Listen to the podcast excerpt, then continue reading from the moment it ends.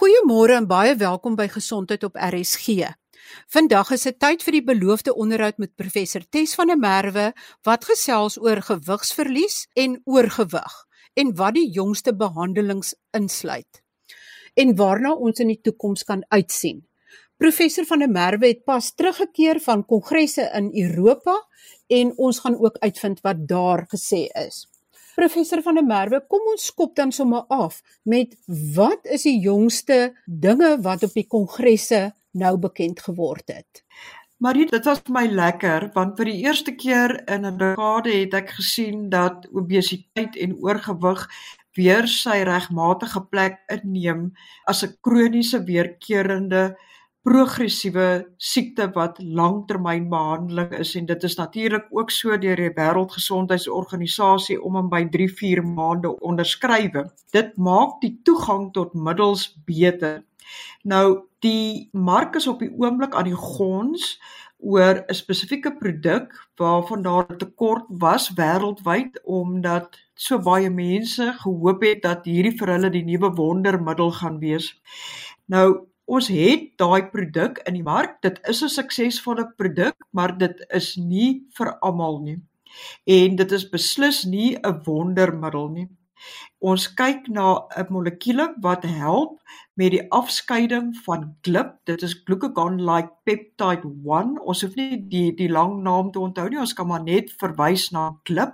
En wat hierdie spesifieke hormoon doen is om jou versadiging te verhoog, maar dit help ook om insuliensekresie te verhoog en tot 'n mate vertraag dit maaglediging en die vorm van suiker.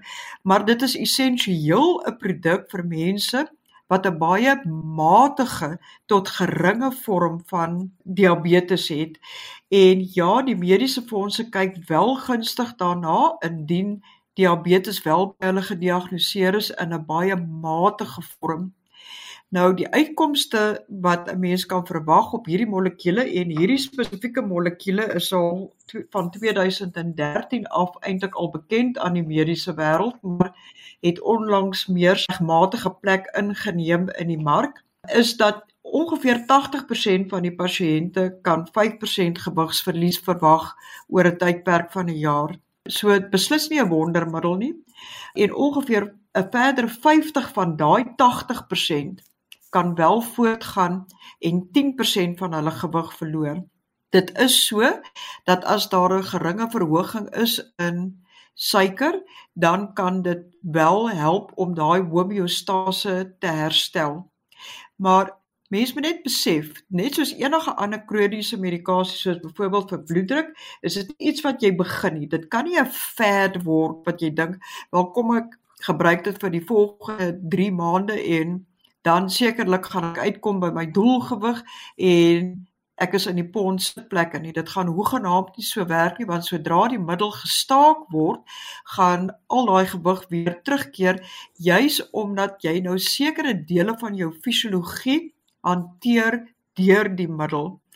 So die gewigsverlies aspek is matig. Die beheer van suikersiekte is vergeringe tot vroeë suikersiekte En ja, dit is die eerste van sy soort. Daar is 'n opvolger molekuule wat ook verlede jaar in die mark gekom het wat ek persoonlik dink 'n baie beter neeweffek profiel het want daar was tegniese vooruitgang in die draadmolekuule wat meer suksesvol is, maar wat meer opwindend is, Marie, is as ons kyk na 'n middel wat gaan uitkom volgende jaar wat nie net glip nie, maar ook JIP. Nou, ons hoef nie al die afkortings te onthou nie, maar dit is basies nog 'n peptiedhormoon wat in die maag afgeskei word wat bariatriese chirurgie naboots.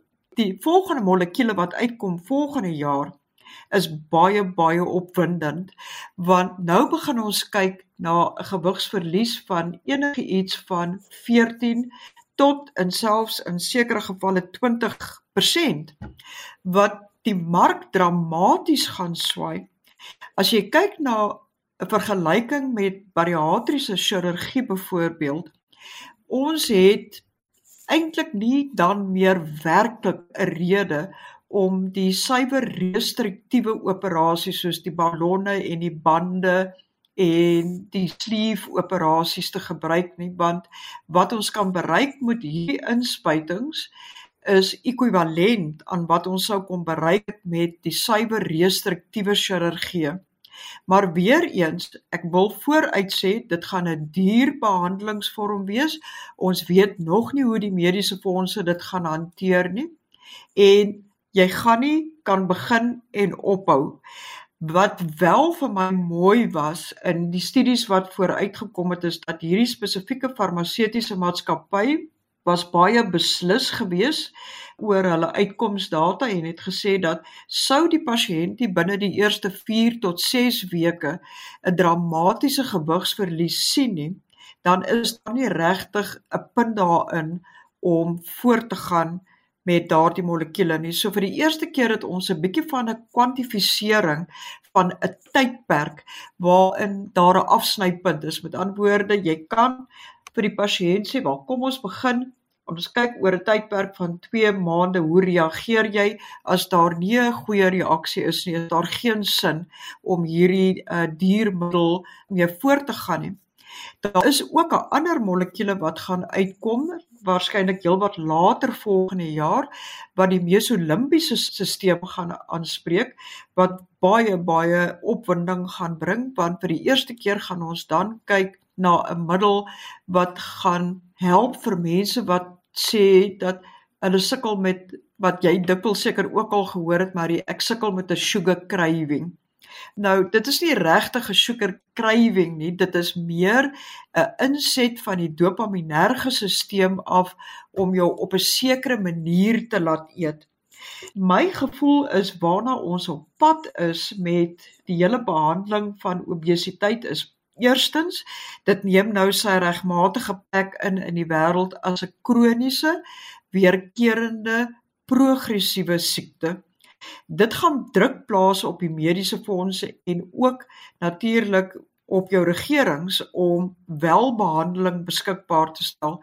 Die tweede ding is daar is baie opwindende molekules wat van volgende jaar af gaan deurkom wat vir ons vir die eerste keer in 'n dekade veiligheid gaan gee met 'n baie groter gewigsverlies opsie. En dan die derde ding is my gevoel van 2 jaar terug was dat uiteindelik sal ons weer terugswaai met bariatriese chirurgie af na die meer gevorderde forme van oorgewig en diabetes en dit is vir my waar bariatriese chirurgie in elk geval geposisioneer moet wees. Dit is vir my vir daai pasiënte wat gefaal het op alle mediese behandeling.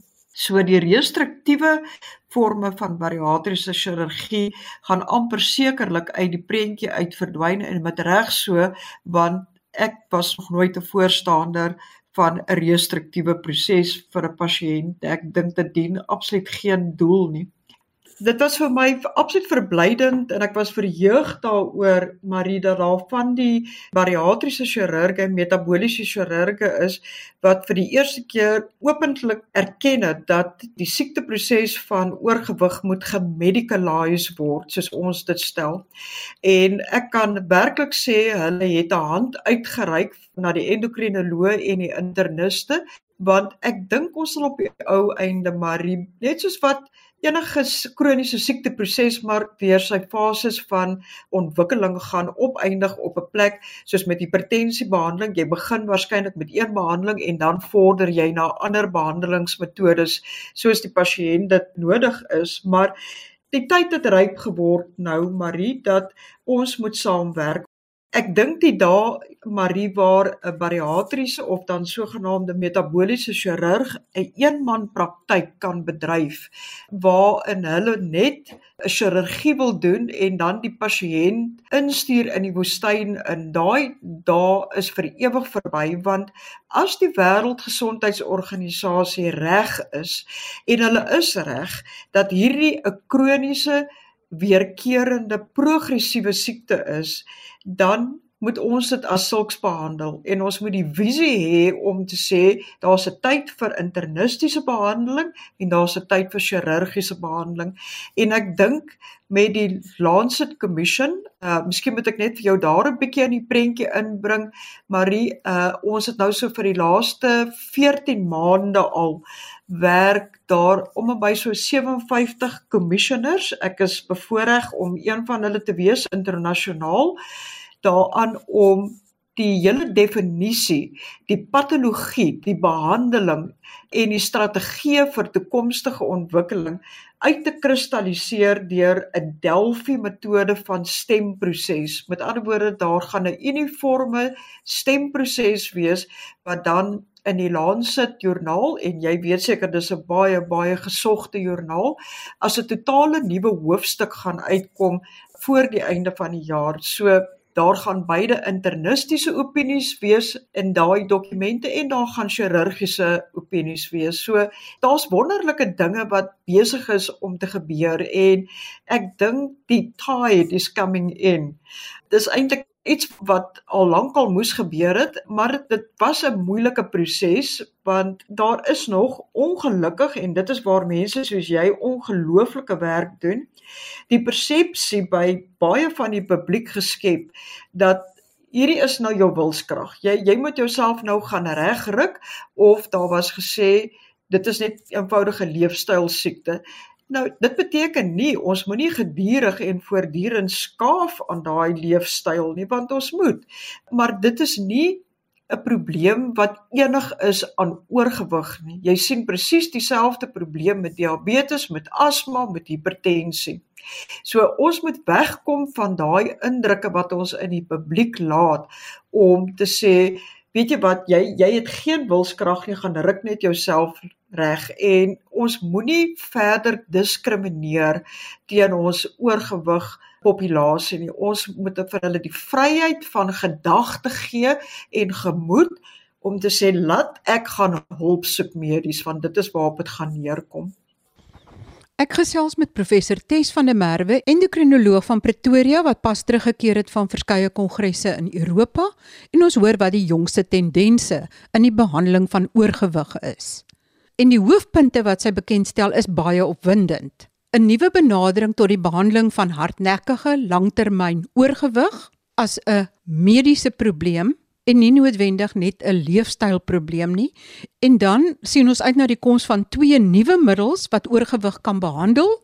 Danksy die middels sal van die bariatriese chirurgie onnodig raak want van die middels boots die effek wat bariatriese chirurgie oftewel metabooliese chirurgie bring na. Dis sal meer mense inspuitings van hierdie middels kan kry om gewig te verloor en sal hulle nie bariatriese chirurgie nodig hê nie.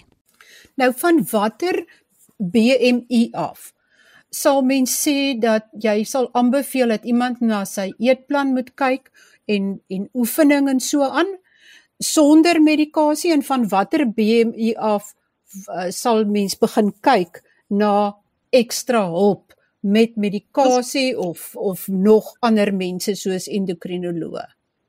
Dis 'n baie baie wonderlike vraag daai Marie want dit is presies waarmee die Lancet kommissarisse so gestoei het is hoe definieer ons dit op watter punt gaan dit oor na wat ons noem 'n siekteproses nou as ek dit eenvoudig mag verwoord, die die dag wanneer jy geassosieerde siektes bygekry het of dit nou 'n inperking van jou kwaliteit van lewe is of dit osteoartritis is of dit polikistese ovariële siekte is of suikersiekte of hipertensie of of watter geander geassosieerde siekte het jy reeds daai punt verbygesteek. Met ander woorde as daar nou 'n persoon is wat voel hulle hulle is in 'n relatiewe gesonde toestand en hulle is deur die dokter ondersoek en en geen geassosieerde ons mag ook blykbaar nie meer praat van comorbid diseases komorbiditeite nie. Ons moet nou praat van geassosieerde toestande wat hulle vind die terminologie van comorbidity vind hulle baie diskriminerend in die algemeen, dan het jy klaar daai punt verbygesteek.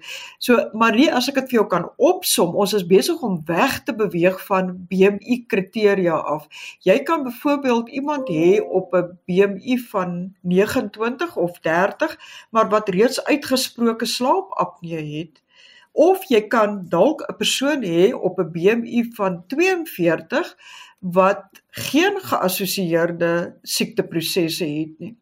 En dit gaan jou kliniese profiel wees wat in die toekoms gaan bepaal wat jou behandelingsstrategie is. Maar wat ek altyd vir die pasiënte probeer verduidelik is kom ons vereenvoudig die konsepte. Ek sê altyd vir hulle, wat is dit wat jy wil bereik? Wat wat hoekom is jy vanaand by my? Hoekom sit jy hier? Wat is jou doelstelling? Want ek dink dit is belangrik om die pasiënt se wense ook te begin inkorporeer.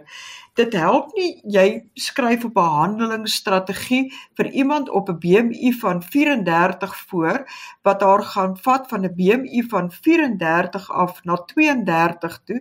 As sy vir jou sê maar prof Testo ek getroud is of voordat ek my kinders gehad het, was ek gemaklik op 'n BMI van 29.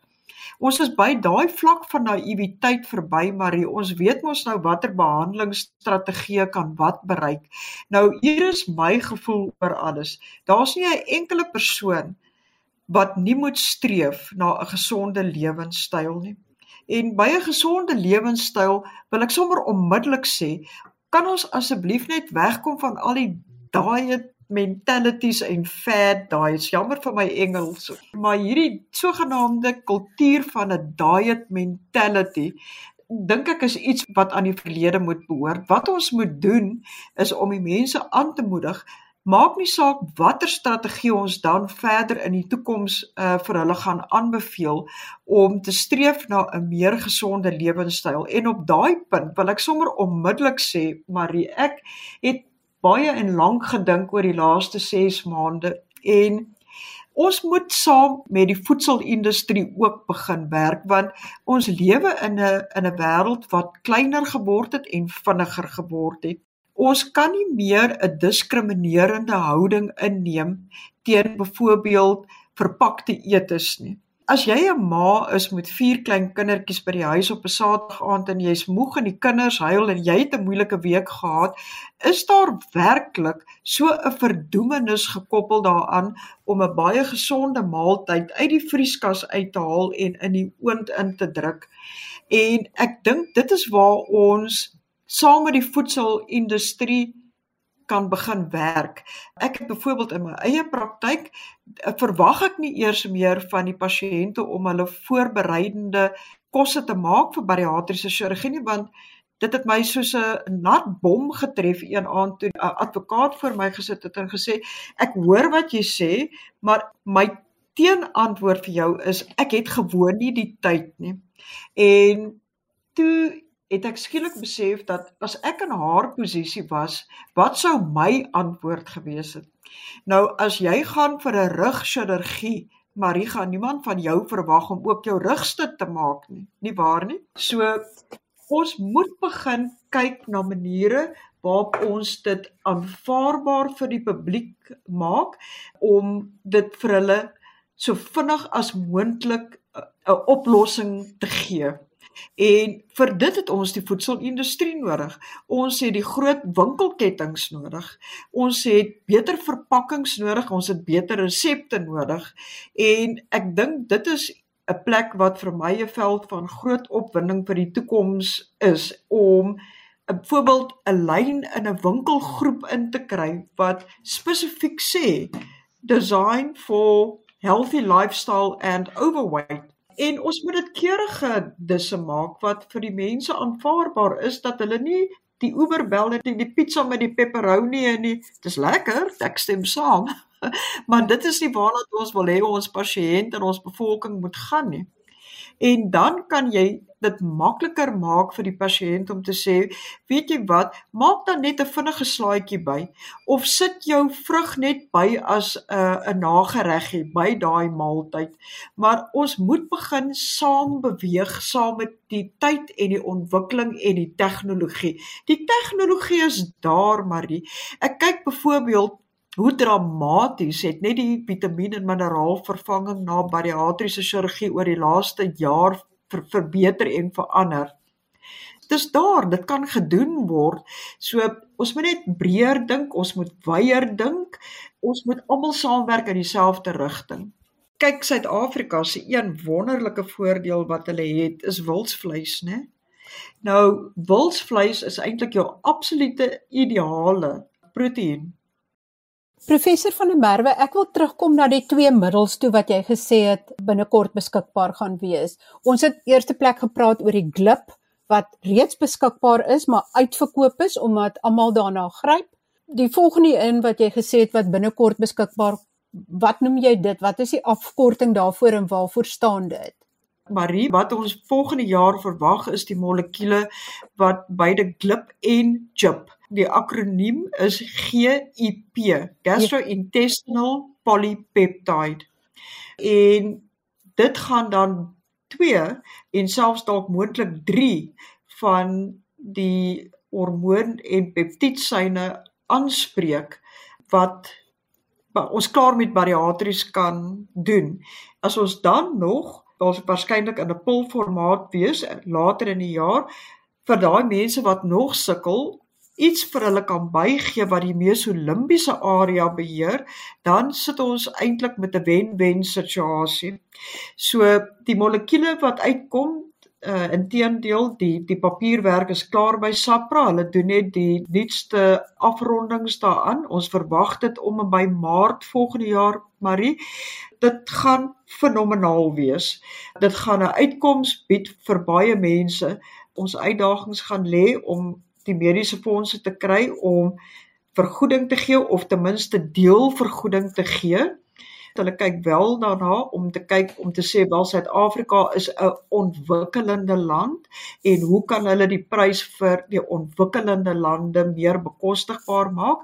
En dan is die tweede groot uitdaging waarna ons natuurlik kyk is op watter stadium raak dit 'n uh, deel van soos hulle sê public health development Daai antwoorde kan ek jou nog nie gee nie Marie, maar ek dink wanneer die soos ons sê die white paper draft van die Lancet kommissarisse uitkom, gaan dit baie moeilik wees om nie vir 'n groter persentasie van jou bevolking toegang te gee tot hierdie medikasies nie, want aan die einde van die dag gaan al hierdie geassosieerde uh siektes wat fenomenaal duur is of dit nou die regering is en of dit die mediese fondse is ongelooflik baie geld kos.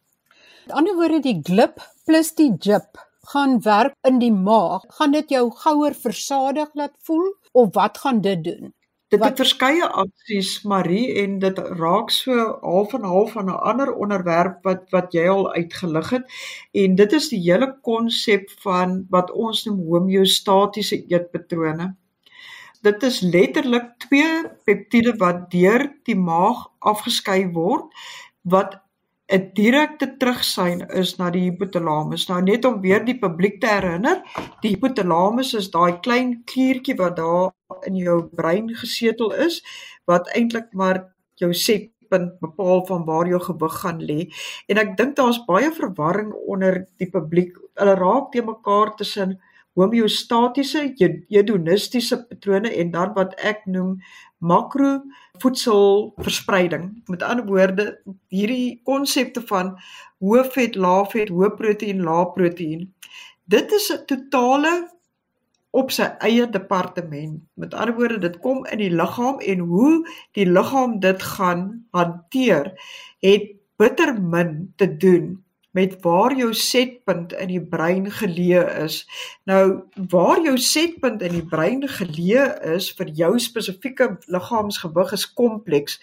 Dit word beïnvloed deur beide genetiese en omstandigheids uh, gedrewe faktore. Maar wat baie belangrik is, is is dat jou hypothalamus sal altyd jou vorige hoogste gewig stoor molekulêr tot op 'n half kilo. En dit intens verdedig en dit is hoekom mense so verskriklik sukkel om hulle gewig af te hou want sodra jy so by die 5% gewigsverliespunt verbygaan dan het die hypothalamus die vermoë om deur die simpatiese en die parasimpatiese kettinge wat uitgaan na die liggaam jou metabolisme te vertraag en baie spesifiek jou aptythormone te begin opdruk en presies hoe moeilik dit is om hierdie setpunt van jou liggaam te verander waar hy desperaat aan vasklou om homself te beskerm gaan ons volgende week verder oor gesels. En dan is ek Vrydag in 'n teater in Kuilsrivier. Ek gaan kyk hoe dokter Shaun Venter deur twee klein sleutelgaatjies twee rugoperasies doen. En ek gaan terug rapporteer daaroor. Maar vereers Tot volgende week. Baie groete van my, Marie Hudson.